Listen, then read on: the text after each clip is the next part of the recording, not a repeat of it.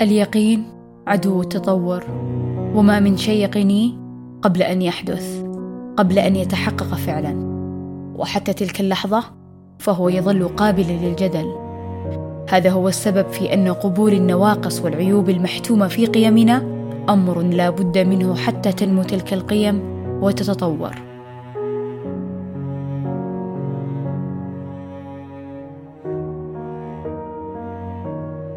بدلا من الجري وراء اليقين.